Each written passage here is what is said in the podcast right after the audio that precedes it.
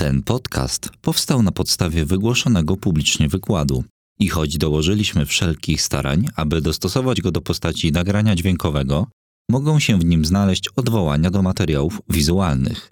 Życzymy przyjemnego odbioru. Granice nauki. Zmuszamy do myślenia. Samo oszukiwanie się. Dlaczego okłamujemy samych siebie? Piotr Urbańczyk. Dziękuję bardzo. Dobry wieczór Państwu. Jak już zostało powiedziane, mój dzisiejszy wykład będzie poświęcony zjawisku oszukiwania samego siebie. I chciałbym na początku y, swojego wystąpienia uściślić, co będziemy przez oszukiwanie samego siebie rozumieć. Y, motywuję to tym, y, że z samo oszukiwaniem się można wiązać różne skojarzenia. I często te skojarzenia nie są do końca adekwatne, czy też nie oddają sedna sprawy. Ja czasem podpytywałem znajomych, kiedy zajmowałem się tym zagadnieniem, jak oni rozumieją to zjawisko, i padały różne odpowiedzi. Niektórzy mówili, że wiąże się to z, jakim, z jakąś tendencją do wierzenia w rzeczy nieprawdopodobne, w jakieś różdżkarstwo, czy, czy w kosmitów, tego typu sprawy. Niektórzy wiązali to z jakimiś sprawami związanymi z wierzeniami religijnymi. Oczywiście być może w tych przypadkach jakieś tam oszukiwanie samego siebie zachodzi, natomiast nie o takie przykłady nam chodzi. Samo oszukiwanie się będziemy rozumieć jako, jako nabywanie bądź utrzymywanie jakiegoś przekonania w obliczu dowodów, że przekonanie to jest fałszywe. I takie nabycie przekonania lub utrzymywanie przekonania jest motywowane jakimś silnym pragnieniem albo jakąś silną emocją. I można, oczywiście można podać jakiś, jakiś wzorcowy przykład oszukiwania samego siebie. Ja sobie pozwoliłem skopiować to zdjęcie z ogłoszenia, które zamieścili organizatorzy na portalu społecznościowym. W literaturze po, pojawiają się różne przykłady. Dajmy na to żona, która posiada jakieś dowody, czy, czy widzi, że, że zdradza ją mąż, a mimo wszystko cały czas utrzymuje, że jest wierny. Nie chce w to uwierzyć po prostu. Czasem takie oszukanie samego siebie może być motywowane pragnieniem, by jakiś stan rzeczy był fałszywy. Można sobie wyobrazić w drugą stronę zazdrosnego męża, który ma wszystkie dowody na to, że żona jest wierna, a mimo wszystko cały czas oskarża ją o, o zdradę. Często również podaje się taki przykład, który w psychologii nazywa się efektem bycia lepszym niż przeciętnie. Idzie o to, że przeciętny człowiek uważa się za ponadprzeciętnego w wielu dziedzinach. Uważa, że ma ponadprzeciętne poczucie humoru, że jest ponadprzeciętnym kierowcą, że jest ponadprzeciętnie lojalny, życzliwy, racjonalny i, i tym podobne. Podobno rekordzistami w tego rodzaju myśleniu są nauczyciele akademiccy. Było badanie na amerykańskich nauczycielach akademickich i bodajże około 94% stwierdziło, że ich zdolności dydaktyczne są ponadprzeciętne. Natomiast studenci wcale nie, nie są gorsi tutaj. Pytano studentów, jak sobie radzą w relacjach społecznych i większość, niemalże wszyscy odpowiedzieli, że, że mają ponadprzeciętne zdolności właśnie w radzeniu sobie w tego typu sytuacjach. O ile się nie mylę, 60% uznało, że znajduje się w czołowych 10% ludzi, którzy, którzy mają takie zdolności. Oczywiście na tym zdjęciu też jest przedstawiony jakiś, jakiś rodzaj oszukiwania samego siebie. To znaczy, często nie chcemy uznać, że dotyka nas przemijanie na przykład, tak? I nie, zauważy, nie zauważamy, chociaż mamy namacalne dowody, czy też naoczne dowody w lustrze, że, że czas nas dotknął, to, to, to oszukujemy samych siebie, że tak nie jest. Żeby też unaocznić, że takie zjawisko występuje również u młodszych ludzi, chciałbym zwrócić uwagę, że młodzież czasem posługuje się takim słowem jak wkręcanie sobie czegoś. Przepraszam za kolokwializm, ale być może jest to narzędzie, które coś uświadomi. Czasem na przykład w tramwaju możemy usłyszeć jakąś opowieść, że koleżanka wkręciła sobie, że jest gruba i stosuje jakieś wymyślne diety. Prawda? Więc takie są przykłady oszukiwania samego siebie. Takie można podać. Natomiast w tytule mojego wykładu organizatorzy zamieścili również pytanie. Dlaczego oszukujemy samych siebie? I y, muszę przyznać, że tak w ramach apologii Prodomosuła, że na to pytanie nie ma pewnej jednoznacznej odpowiedzi. Oczywiście, skoro już to pytanie znalazło się w tytule, to postaramy sobie odpowiedzieć, natomiast y, niestety ta odpowiedź będzie niepełna.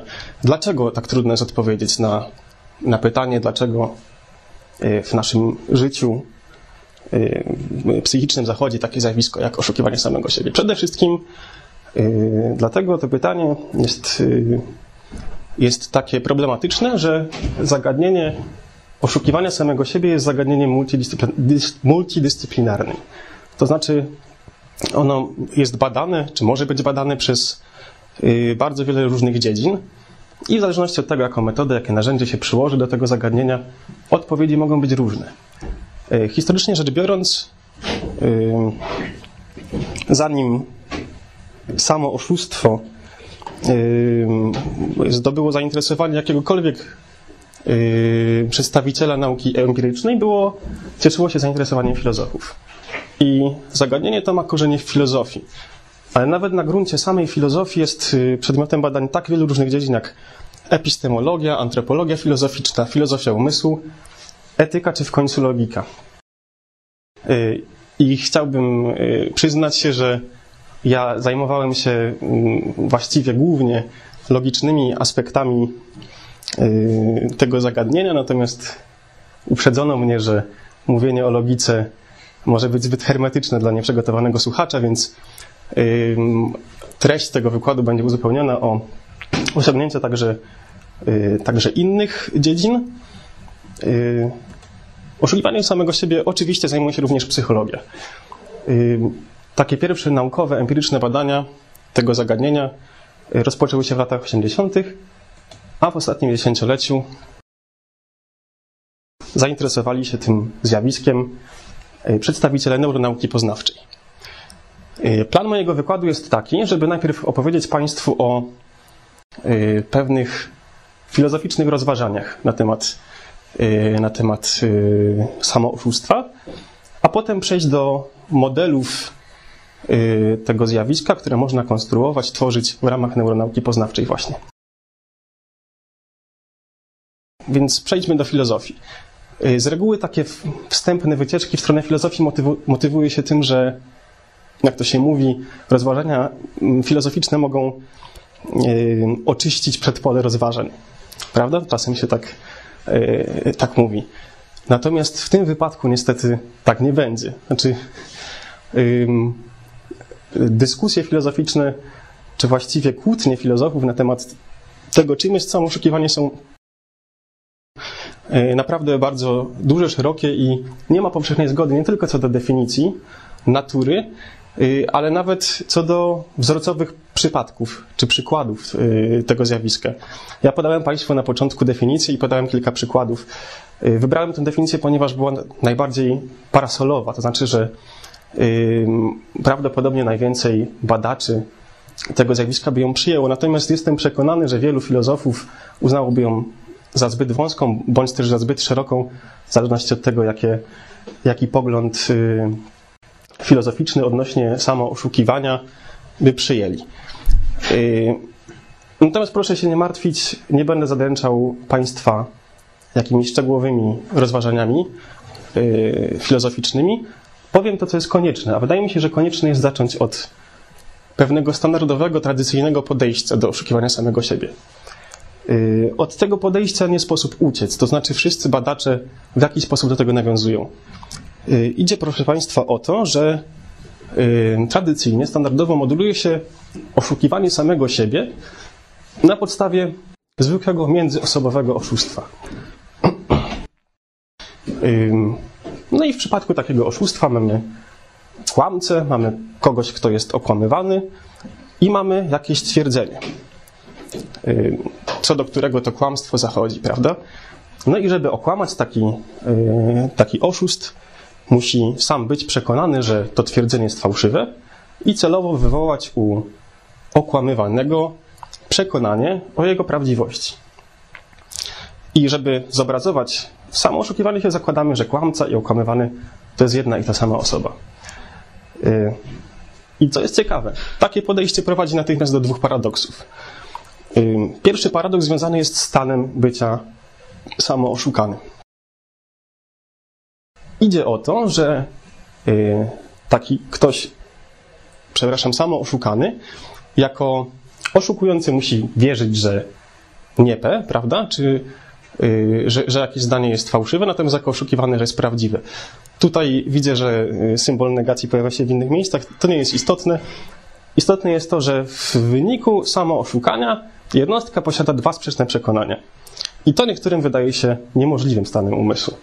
Drugi paradoks, który wynika z standardowego modelu, yy, nazywany jest paradoksem dynamicznym czy też strategicznym, ponieważ polega on na, na stosowaniu strategii oszukiwania.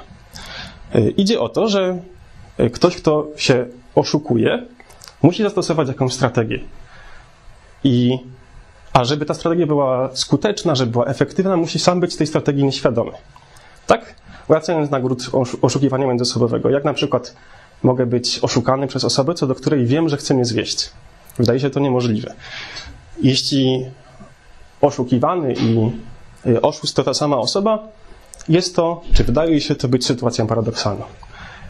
Y, I proszę Państwa, y, w wyniku tych paradoksów utworzyły się, wytworzyły się pewne stanowiska filozoficzne. Proszę sobie wyobrazić, że nawet pojawił się taki pogląd, wedle którego, ponieważ to zjawisko wydaje się być paradoksalne, to jest niemożliwe. To znaczy, że samo oszukiwanie się nie zachodzi w naszym życiu i że nawet jeśli mówimy, że ktoś okłamał sam siebie, to znaczy, że, że tak naprawdę myślimy o czym innym, mamy na myśli co innego. No i gdyby tak było, gdyby dać wiarę takiemu poglądowi, to można by zakończyć tutaj wykład i nie mówić nic więcej, bo, bo należałoby uznać, że samo oszukiwania się po prostu nie ma. Natomiast y, jest to pogląd dosyć odosobniony i bardzo mocno krytykowany. Jak wobec tego poradzono sobie z tymi paradoksami? Y, otóż jedna grupa filozofów y, rzeczywiście przyjęła, że oszukiwanie samego siebie można modelować w ten sposób. Można modelować je na podstawie zwykłego oszukiwania i zastosowała pewne wybiegi, mianowicie albo uznała, że te dwa sprzeczne przekonania nie są utrzymywane jednocześnie, y, albo że jedno z nich jest nieświadome, albo że są nabywane i utrzymywane w dwóch odrębnych częściach umysłu.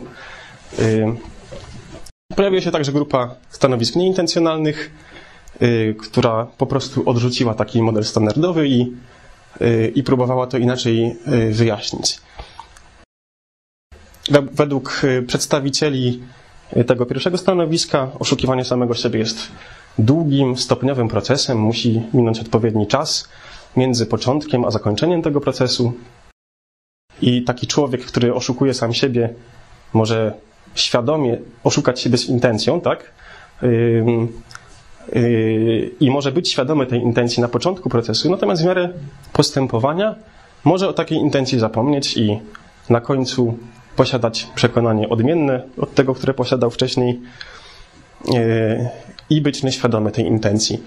E, no i należy przyznać, że, że, że ta grupa stanowisk rzeczywiście unika paradoksów, natomiast niektórzy sądzą, że, że ona generuje swoje odrębne paradoksy związane z oszukiwaniem swojego przyszłego ja, ale przede wszystkim, przede wszystkim oskarża się o to, że nie potrafi uchwycić y, wszystkich aspektów, które wiążemy z takim zdroworozsądkowym podejściem do, y, do samooszustwa. Y, z kolei zwolennicy tych ostatnich intencjonalnych stanowisk wzięli sobie do serca mocno to, że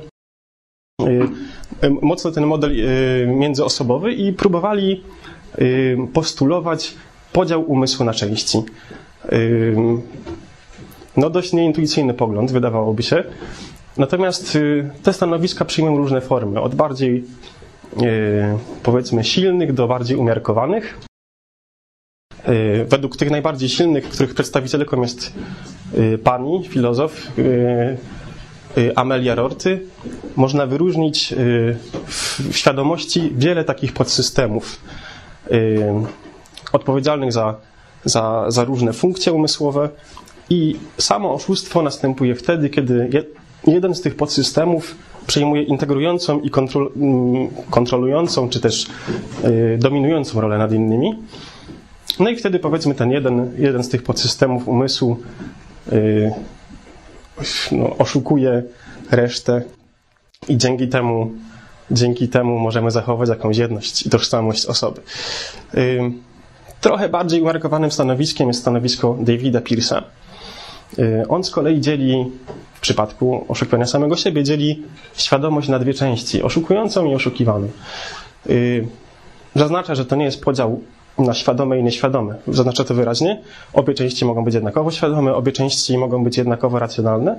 Natomiast on z kolei, żeby zachować jedność i tożsamość, mówi, że to ta część oszukiwana stanowi centrum y, działania dla całej osoby. No i chyba najbardziej umiarkowanym stanowiskiem jest stanowisko y, Donalda Davidsona. Y, On również dzieli umysł na pewne podsystemy, na pewne zbiory czy podklasy różnych funkcji, natomiast zaznacza, że, że ten podział jest jedynie podziałem instrumentalnym. To znaczy, on po prostu ułatwia nam mówienie o takich stanowiskach, kiedy się pojawiają sytuacje, jak on nazywa je, irracjonalne, do których zalicza oszukiwanie samego siebie. Y, Bardzo ciekawym y, podejściem jest podejście Rafaela Demosa. Y, Jest o tyle ciekawe, że zostało wykorzystane w pierwszych empirycznych badaniach dotyczących tego zagadnienia. Otóż Demos próbuje wytłumaczyć oszukiwanie samego siebie Y, wyróżniając dwa pojęcia świadomości. Pierwsze pojęcie to jest taka zwykła świadomość, a drugie to jest świadomość razem z uwagą, razem z, z uważaniem. To znaczy, według Demosa, to nabycie przekonania sprzecznego dokonuje się poza uwagą. To znaczy, jesteśmy świadomi tego, że powiedzmy, że nie P, tak? Yy, natomiast nie zwracamy na to uwagi i w takiej sytuacji yy, możemy nabyć przekonanie sprzeczne, że P. Demos porównuje taką sytuację do, podaje taki przykład, że jest to podobne do sytuacji, w których jesteśmy wciągnięci w coś, w coś interesującego i na przykład nie zwracamy uwagi na ból głowy. Jak oto nęka nas ból głowy, pójdziemy do kina, wciągniemy się w interesujący film i o tym po prostu nie tyle zapominamy, co nie zwracamy na to uwagi. I tą koncepcję, jak już powiedziałem, wykorzystano w pierwszych badaniach psychologicznych. Y, dokonali tego, dokonało tego dwóch psychologów, Gór i Sackheim. Y, I oni no, musieli sobie tę koncepcję jakoś zoperacjonalizować, żeby móc ją badać empirycznie.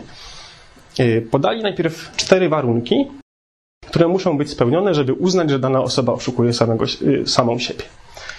Pierwszy warunek to jest właśnie taki, że posiada sprzeczne przekonania. Drugi warunek, że posiada je jednocześnie.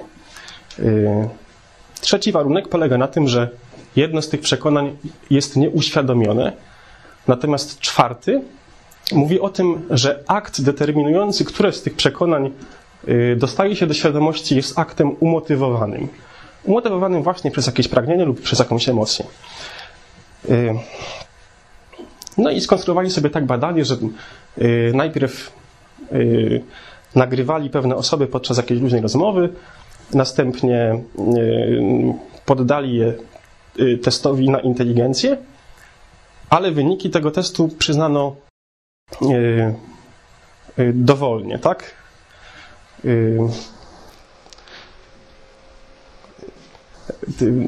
idzie o słówko random po angielsku, tak? czyli losowo, przyznano losowo do tych badanych.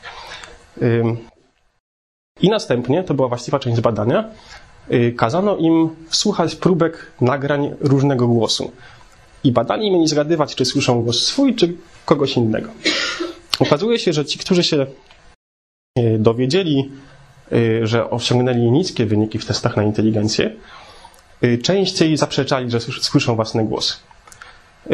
Także kiedy słyszeli, słyszeli własny głos, to odpowiadali dłużej, czas reakcji był dłuższy. To nie jest bardzo istotne. Istotniejsze jest, że częściej zaprzeczali, natomiast y, pewne reakcje fizjologiczne, idzie tutaj konkretnie o galwaniczne reakcje skóry, wskazywałyby, że rzeczywiście w jakiś sposób wiedzą, że to był, y, że to był igłos. Znaczy, że y, galwaniczne reakcje skóry były takie, jak przy rozpoznaniu własnego głosu. No i według y, Góra i Sakajma y, jest to, y, jest to skutek tego właśnie, że nieświadomie wiedzieli, że, że to był ich głos i zaprzeczali i jest to przykład oszukiwania samego siebie. Te badania były dosyć kontrowersyjne. Y, Bardzo na przykład nie spodobały się y, Alfredowi Mele, który jest przedstawicielem y, stanowisk nieintencjonalnych czy też antyintencjonalnych. I Alfred Mele przede wszystkim odrzuca ten model oszukiwania samego siebie zbudowany na, na podstawie oszukiwania międzyosobowego. Odrzuca także wymóg y, posiadania społecznych przekonań przez, y, przez, y, przez taką samą oszukującą się osobę. Znaczy, że uważa, że kiedy oszukujemy samych siebie, wcale nie oznacza to, że musimy posiadać te dwa sprzeczne przekonania. Możemy na przykład oszukać sami siebie już w utrzymywaniu przekonania. Tak, to jest jego, jego pomysł. No i sądzi, że w wyniku samo oszustwa po prostu y, myślimy błędnie, czy jesteśmy w błędzie.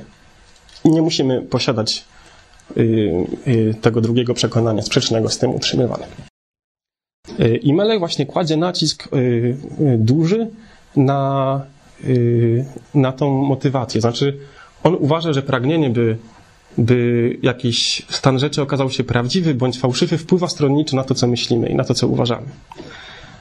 Czyli sądzi, że, że, y, że w przypadku samo oszukiwania mamy, mamy do czynienia z takim, z takim umotywowanym wierzeniem.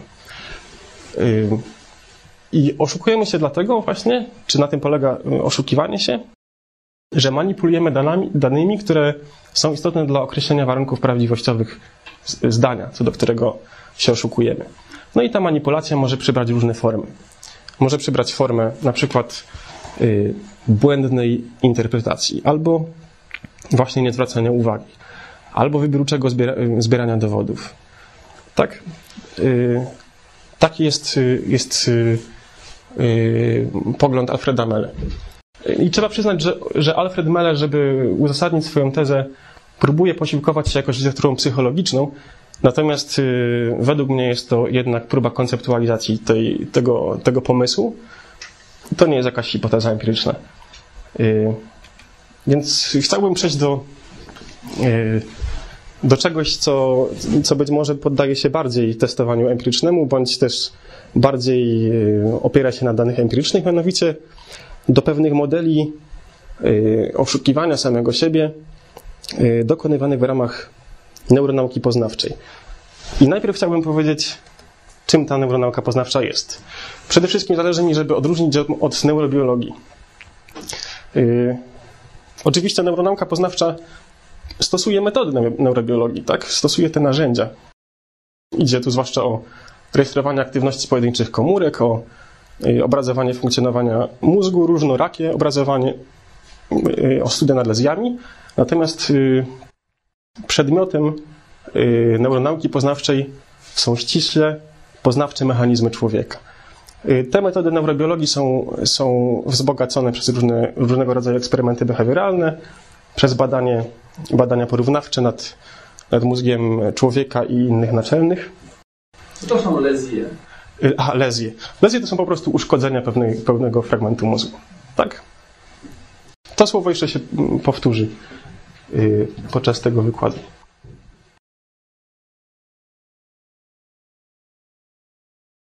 Tym, co odróżnia też y, y, neuronaukę poznawczą od neurobiologii, y, czy cechą bardzo charakterystyczną dla neuronauki poznawczej jest to, że operuje ona na różnych poziomach. I teorie budowane są na różnych poziomach. Oczywiście to, na jakich poziomach będziemy operować, zależy często od potrzeb badawczych. To znaczy, czasem nie ma potrzeby, by, by integrować dane pochodzące z tych różnych poziomów, natomiast, y, natomiast jest to cecha charakterystyczna neuronauki poznawczej. Idzie o poziom y, najpierw pojedynczych komórek, taki najbardziej podstawowy, potem poziom złożonych struktur neuronalnych. Można tutaj wyróżnić poziomy struktur podkorowych i poziom struktur korowych, ponieważ one są istotne, czy kora mózgowa jest istotna dla, dla akurat naszych y, zdolności poznawczych. I ostatni poziom to jest poziom zjawisk psychologicznych. No można go nazwać różnie, poziomem reprezentacji, czy też poziomem umysłu nawet.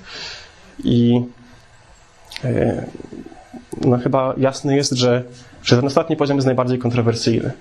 To znaczy to, jak dany naukowiec będzie rozumiał y, ten ostatni poziom, zależy od jego wiedzy tła, jak to się mówi. I ta wiedza tła związana jest z tak zwanymi paradygmatami interpretacyjnymi.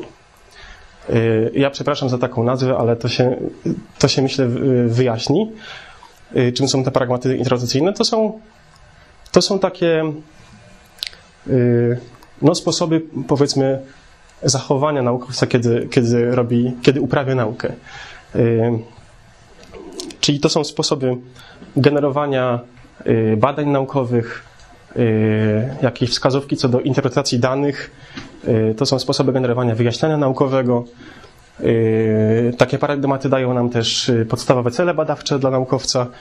No i w końcu dają rozumienie takich podstawowych terminów, jak właśnie umysł na przykład, tak, czy reprezentację.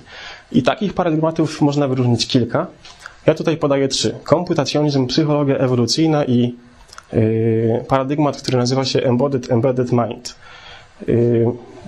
Jest też polska nazwa na ten paradygmat, mówi się o paradygmacie umysłu ucieleśnionego.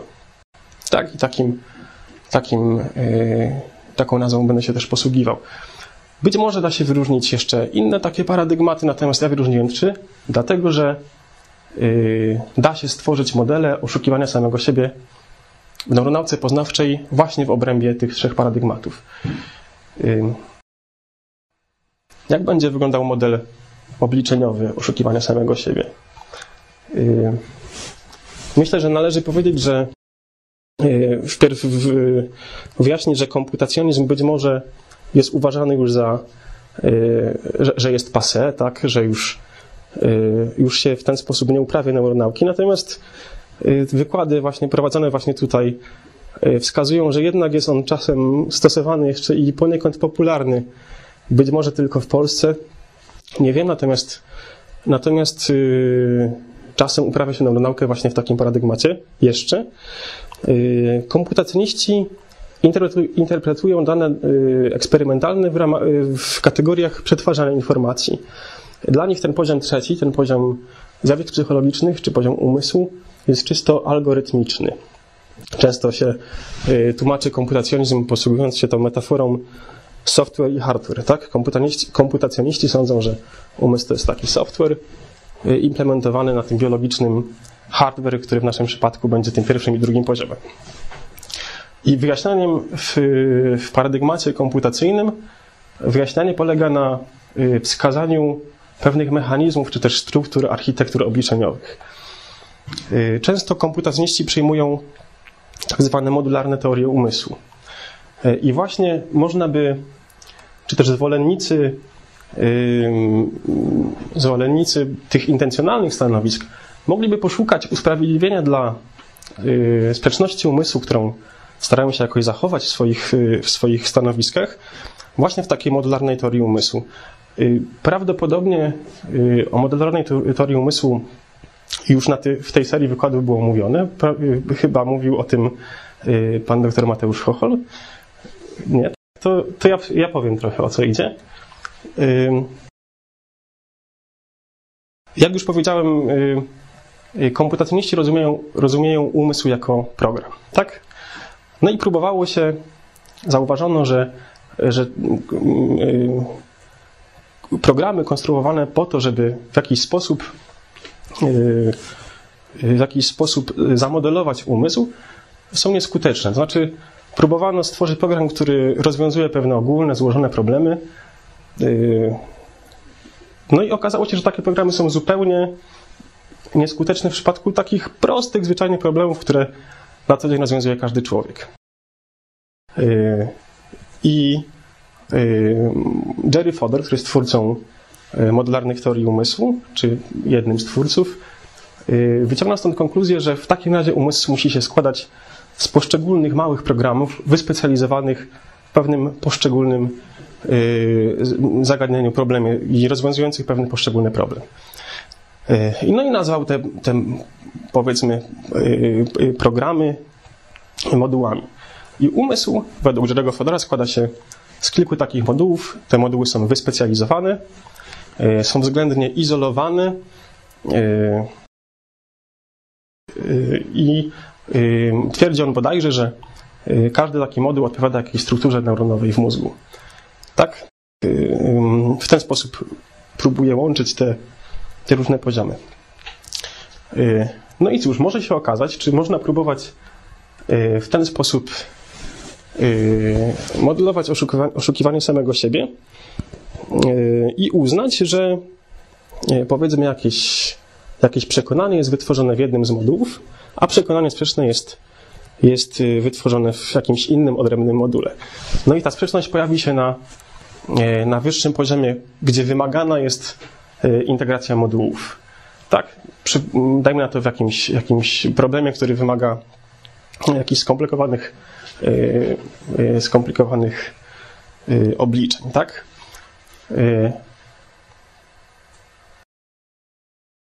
I y, takie, y, takie rozumienie przyniesie nam usprawiedliwienie y, sprzeczności umysłu. Ja też nie chcę się zajmować bardzo tym modelem obliczeniowym, dlatego że być może umieszczenie go w, wśród tych modelów oszukiwania samego siebie jest dość kontrowersyjny. Znaczy, po pierwsze, właśnie ten komputacjonizm został podany miażdżącej krytyce. To raz. A po drugie, właściwie nikt nie podjął się jeszcze takiej próby modelowania. To jest, yy, to jest tylko propozycja, którą, yy, którą yy, stworzyłem na potrzeby, na potrzeby tego, tego wykładu. Powtórę, ten model nie, nie podaje odpowiedzi, dlaczego się oszukujemy. Tak? On podaje jakiś mechanizm, że są tam prawda, jakieś te moduły i w jednym jest, jest przekonanie sprzeczne do tego, które jest w innym module. W danym momencie jest uświadomione tylko jedno yy, i w ten sposób yy, to samo oszukiwanie się zachodzi. Natomiast yy, ten model nie posiada na, tyle siły eksplanacyjnej, żeby nam powiedzieć, dlaczego się oszukujemy.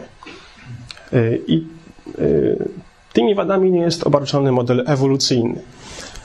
Y, Ewolucjoniści przyjmują pogląd y, komputacyjny, znaczy y, zgadzają się z komputacjonistami, że ten poziom trzeci jest y, algorytmiczny.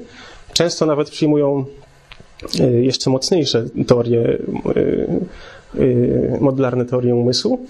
To znaczy twierdzą, że tych modułów jest bardzo dużo, setki, być może nawet tysiące. Natomiast y, y, podstawowym schematem wyjaśniania w paradygmacie ewolucyjnym jest podanie pewnej y, funkcji przystosowawczej. To znaczy zwraca się uwagę na ewolucyjną genezę tego poziomu trzeciego y, i właśnie adaptacyjność, która jest związana z każdym z modułów. Y, Żeby zrozumieć, jak, y, jak, jak przepraszam, modeluje się oszukiwanie samego siebie w paradygmacie ewolucyjnym, chciałbym przytoczyć pewną dość kontrowersyjną hipotezę, mianowicie hipotezę y, inteligencji makiawelicznej. Y, Ona jest kontrowersyjna, ale jest dość dobrze ugruntowana y, w, naukach ewolucyjnych. Jest to taki właściwie zbiór hipotez, których najbardziej podstawowa wersja mówi o tym, że zdolności kognitywne koewoluowały wraz z uspołeczeniem organizmów. A makiaweliczny komponent tej hipotezy polega na tym, że, że to uspołecznienie często wymagało y, pewnego pragmatyzmu, tak, czyli pewnego makiawelizmu. To znaczy, że y, wspinanie się w górę hierarchii społecznej często wymagało jakichś kłamstw, postępów, podstępów, oszustw y, i manipulowania innymi.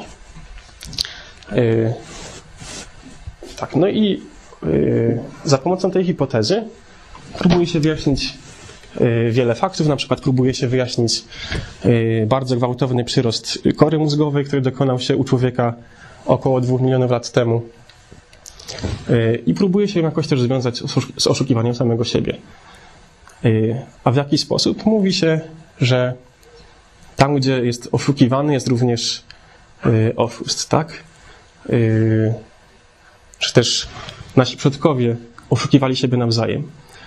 Y, I to jest być może trywialne stwierdzenie, natomiast y, w ramach nauk ewolucyjnych ono ma niebagatelne znaczenie, ponieważ taka sytuacja, gdzie byli oszuści i oszukiwani, odpaliła cały mechanizm y, prawda, ewolucyjnego dostosowania się po jednej i po drugiej stronie. Znaczy, by lepiej oszukiwać oszuści, czy, czy u, u oszustów kształciły się coraz lepsze zdolności y, poznawcze. Y, Z drugiej strony u oszukiwanych te zdolności kształciły się po to, żeby coraz, lepiej wykrywać oszustwa. I na tym opiera się model oszukiwania samego siebie w, w paradygmacie ewolucyjnym. Twórcą tego, tego modelu jest, jest ewolucjonista Robert Trivers. I w tej koncepcji przede wszystkim y, twierdzi się, że oszukiwanie samego siebie wykształciło się, czy też wyewoluowało po to, żeby służyć zwykłemu, właśnie temu międzyosobowemu oszustwu. Y, Po to, żeby, po to, żeby lepiej oszukiwać innych. Y, Dzięki temu, że taki osz- oszust wpierw oszukał sam siebie,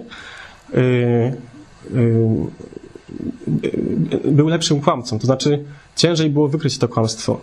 Y, Nie dawał właśnie tych nie, nie było, nie można było wykryć u niego tych fi- fizjologicznych reakcji, które są związane z kłamaniem. Y, Nie było u niego tych emocji, które towarzyszą kłamaniu.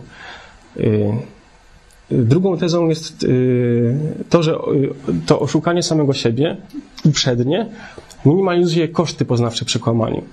To znaczy, taki kłamca nie musi za każdym razem uświadamiać sobie, uświadamiać sobie tych sprzeczności i ukrywać tą nieprawdziwą informację gdzieś w głębi świadomości.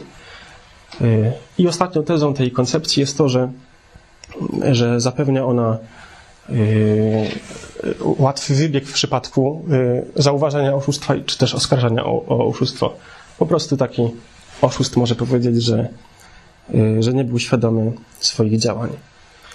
Y, W koncepcji Triversa oszukiwanie samego siebie może też mieć mniej makiaweliczne funkcje. Y, Mówi się zwłaszcza o, o tym, że to oszukiwanie samego siebie przydaje się y, w, y, w selekcji płciowej. To znaczy, według takiej teorii inwestycji rodzicielskiej, to kobiety wkładają więcej wysiłku w spłodzenie i wychowanie potomstwa, więc to one są płcią, która dokonuje selekcji.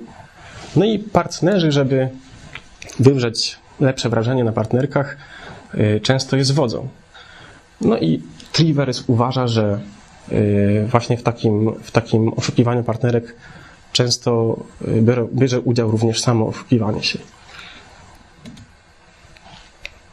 Y, Trivers mówi także o pewnych mechanizmach, które, które wykorzystuje się przy oszukiwaniu samego siebie. Przede wszystkim sądzi, że nie polega ono, czy polega ono na, na stronniczości przy stwarzaniu informacji. To znaczy różni się od tych tradycyjnych stanowisk, które wymagają posiadania dwóch sprzecznych reprezentacji rzeczywistości. Y, Mówi, że, y, że ludzie mogą oszukiwać się po prostu zapobiegając sytuacji, w której ta niechciana informacja jest kodowana w pierwszym rzędzie. Y, No i ludzie mogą oszukiwać się w ten sam sposób, w jaki oszukują innych, to znaczy przez unikanie kluczowych informacji i też nie mówienie samemu sobie całej prawdy. To jest cytat z, z artykułu Triversa. Y, Można, można ten paradygmat y, czy model y, ewolucyjny skrytykować. Krytyka polega na tym, że Trivers y, implicyte zakłada, że ludzie potrafią wykrywać oszustwa innych. No i taką hipotezę można zbadać empirycznie. Okazuje się, takich badań dokonano, dokonano i okazało się, że to nieprawda. To znaczy, przebadano bodajże 12 tysięcy osób i tylko 20, y, 20 badanych wykazywało jakieś y, mm, ponadprzeciętne zdolności w tym względzie.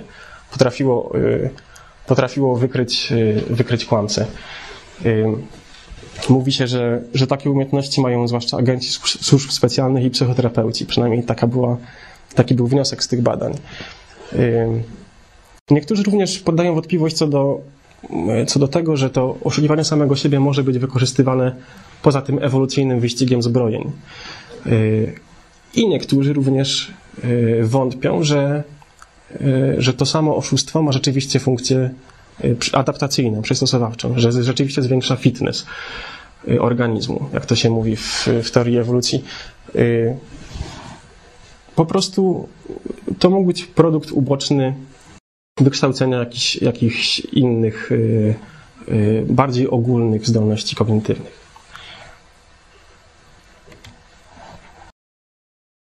Jak wygląda natomiast, y, natomiast oszukiwanie samego siebie w paradygmacie umysłu ucieleśnionego? Może zacznę od tego, że zwolennicy tego paradygmatu odrzucają zupełnie komputacjonizm.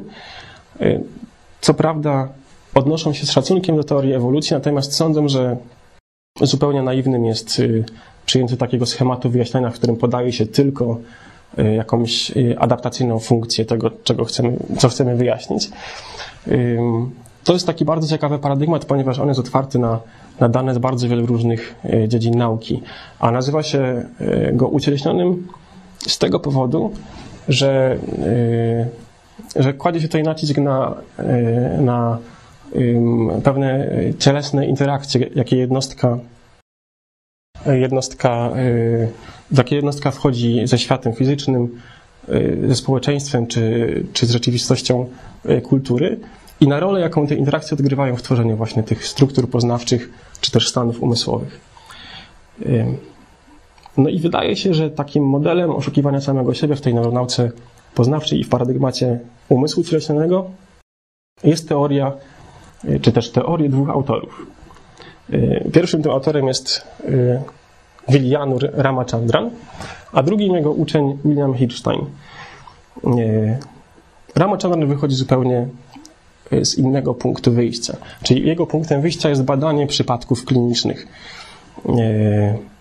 I badał pacjentów z anozognozją.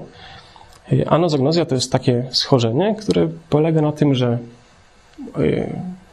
na, na zaprzeczaniu y, istnienia własnej choroby. Znaczy, chory nie przyjmie wiadomości tego, że posiada jakieś schorzenie. Y, I taka anozognozja pojawia się często w, y, w sytuacjach, właśnie w tych lezjach prawej półkuli, zwłaszcza prawego płata ciemieniowego. I często tym lezjom towarzyszy pomijanie zupełnie lewej strony ciała, czyli tej przeciwnej, czy też jak neurobiologowie, neurobiologowie mówią, kontrlateralnej do lezji. Y, To pomijanie nazywa się y, też często hemi, hemineglectem, czy też zespołem pomijania stronnego. I y, tacy chorzy zupełnie nie postrzegają lewej strony i też nie mogą poruszać lewą częścią ciała. Pozwoliłem sobie tutaj skopiować rozmowę Ramachandrana z jedną z takich pacjentek. Otóż ta pacjentka miała udar, który swoje centrum miał właśnie w prawej półkuli i od tego czasu poruszała się na wózku. Ramachandran zapytał się, jak się czuje. Ona przyznała tylko, że ją boli głowa. Miała udar i zabrali ją do szpitala. Y, Nie, przy, y, zapytana, czy może chodzi, to powiedziała, że tak, co było fałszem, ponieważ, ponieważ jeździła na, na wózku. Y, Przyznawała, że obie jej ręce są tak samo silne, co było kolejnym fałszem, ponieważ jedna jej ręka w ogóle nie funkcjonowała. Co więcej, kiedy Ramachandran poprosił tę pa- pacjentkę, żeby wskazała jego nos y, lewą ręką, mimo iż jej lewa ręka spoczywała nieruchomo, ona cały czas była przekonana i mówiła y, prowadzącemu badanie, że, że wskazuje jego nos, że znajduje, jej palec znajduje się dwa cale od, od jego nosa. Y, a poproszona, żeby, żeby y, klaskać, ruszała tylko jedną ręką i cały czas uznawała, że klaszczy. I Ramachandran sądzi, że, że takie przypadki mogą nam wiele powiedzieć o oszukiwaniu samego siebie. Ym, Chora nie uznaje własnej choroby, Co więcej, tworzy błędną, fałszywą reprezentację własnego ciała i rzeczywistości, w której się znajduje. No i można by to tłumaczyć y, w kategoriach psychodynamicznych, znaczy, że, że ta chora z powodu cierpienia wypiera się tej choroby, czy też zaprzecza jakoś tym, tym swoim, y, tym, tym swoim nieumiejętności klaskania na przykład. Natomiast y, Ramachandran odrzuca takie wyjaśnienie, dlatego że, że anazognosia nie występuje, zupełnie nie występuje, czy niemalże, w przypadku schorzeń drugiej półkuli, lewej półkuli. Gdyby, gdyby występowała i gdyby chorzy też rzeczywiście zaprzeczali, można by pokusić się o takie, o takie wyjaśnienie. Natomiast z tego powodu Ramachandran sądzi, że wyjaśnienia należy szukać w specyfikacji półkul mózgowych. No i specyfikacja półkul mózgowych oczywiście jest taką tezą powszechnie przyjmowaną. Zupełnie upraszczając, można powiedzieć, że, że lewa półkula jest wyspecjalizowana w języku, prawa półkula w zadaniach takich wizualnych, przestrzennych, czy też takich, które wymagają kreatywności. I Ramachandran opiera się tutaj na badaniach, o których z pewnością było mówione na wykładzie pani dr Sendereckiej, na badaniach takiego popularnego biologa Michaela Gazanigi. I Michael Gazaniga prowadził badania nad pacjentami po komisurotomii, czyli po przecięciu spoideł między dwoma półkulami mózgowymi. Po przecięciu zwłaszcza spoidła wielkiego. I z tych badań wyciągnął taką teorię, że lewa półkula pełni funkcję interpretatora rzeczywistości. Nawet ta teoria nazywa się funkcją lewopółkulowego interpretatora. To znaczy, lewa półkula stara się narzucić jakąś spójność na dane, które odbiera, nawet jeśli reprezentacja, którą tworzy, jest fałszywa. Co więcej, lewa półkula może racjonalizować ex post, to znaczy może uczestniczyć w tworzeniu fałszywych informacji co do przyczyn postępowania, którego, którego dokonaliśmy. Natomiast Ramachandran idzie o krok dalej. Mówi o różnych strategiach, jakie przyjmują półkule. I według niego lewa półkula tworzy model rzeczywistości, czyli zgadzałoby się to z teorią Gazanigi, i próbuje ten model utrzymać za wszelką cenę. Skonfrontowana z informacją, która do modelu nie pasuje, zaprzecza, wybiera i konfabuluje. Słowem robi wszystko, żeby zachować status quo. Natomiast prawa półkula pełni funkcję detektora anomalii. Gdy ilość informacji, która jest sprzeczna z, z danym modelem, osiąga pewien poziom, stara się wymusić na, na lewej półkuli zmianę tego modelu albo przynajmniej rewizję tego modelu. I bardzo podobną teorię wysunął uczeń Ramachandrana, William Hirstein. On co prawda starał się znaleźć mechanizmy oszukiwania samego siebie w innym miejscu. Znaczy, on wziął, on wziął pacjentów z innymi schorzeniami, wziął przypadki patologicznego kłamania i zaburzeń obsesyjno-kompulsyjnych. Zauważył, że u pacjentów, którzy patologicznie kłamią, występuje bardzo często zaburzenie w przyrodkowym jądrze, jądrze wzgórza. I stwierdził, że, że właśnie niedoczynność, niedoczynność tego, tego, tej struktury neuronowej prowadzi do okłamywania samych siebie. Co jest ważne, bo być może szczegóły, szczegóły neurologiczne nie są tutaj istotne. Istotne jest to, że, że zarówno Ramachandran, jak i, jak i Hirstein twierdzą, że u pacjentów klinicznych to oszukiwanie samego siebie przyjmuje postać patologiczną. Natomiast u normalnych ludzi no, ta lewa półkula pracuje tak samo jak u tych pacjentów chorych. Natomiast ma cały czas, w przypadku koncepcji Ramachandrana, ma cały czas tego stróża w postaci prawej półkuli. Natomiast w przypadku koncepcji Hirsteina, w przypadku sprawnego działania tego przyrodkowego jądra wzgórza,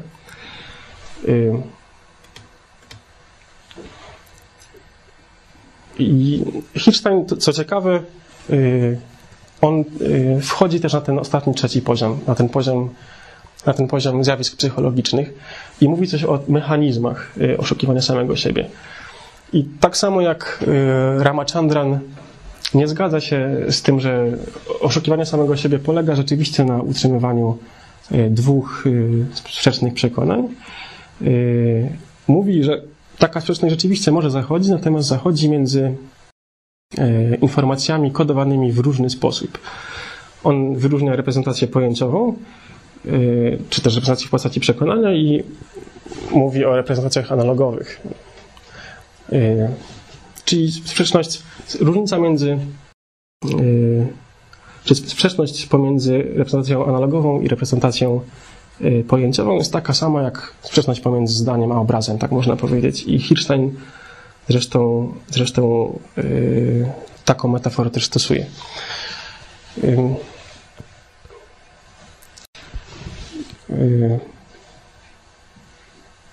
Tak, no to na tym chciałbym zakończyć. Dziękuję bardzo.